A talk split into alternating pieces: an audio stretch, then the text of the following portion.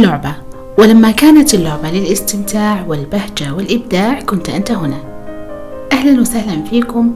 أنا أمل. وحلقتنا الحادية عشر من بودكاست اللعبة. اليوم حتكلم لكم عن اللعبة. وليش اخترتها عنوان وسلسلة للبودكاست. اللعبة هي الحياة. حياتك في هذه الدنيا. ومن موجبات اللعبة الاستمتاع. حتى تصل إلى البهجة. أما الإبداع فهو رسالتك وما أتيت من أجله إلى هذه الحياة الدنيا. أنا وأنت من اختار أن يأتي إلى هذه الحياة الدنيا واختار معها جنسه واسمه لونه وعرقه والأهم الدور الذي سيلعبه. حتى يتطور ويرتقي ليصل للحياة الآخرة.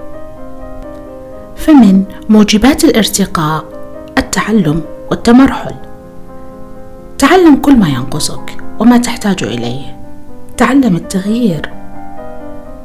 تعلم كيف تجعل رحلتك في هذه الحياة رحلة جميلة ممتعة ومبهجة وذات فائدة لك وللغير. أنت بطل قصتك. أنت من يكتب فصولها وأحداثها. بمعنى إذا كانت حياتك الآن لا تعجبك فما زال لديك الوقت للتغيير وإعادة صياغة أحداثها كما يحلو لك.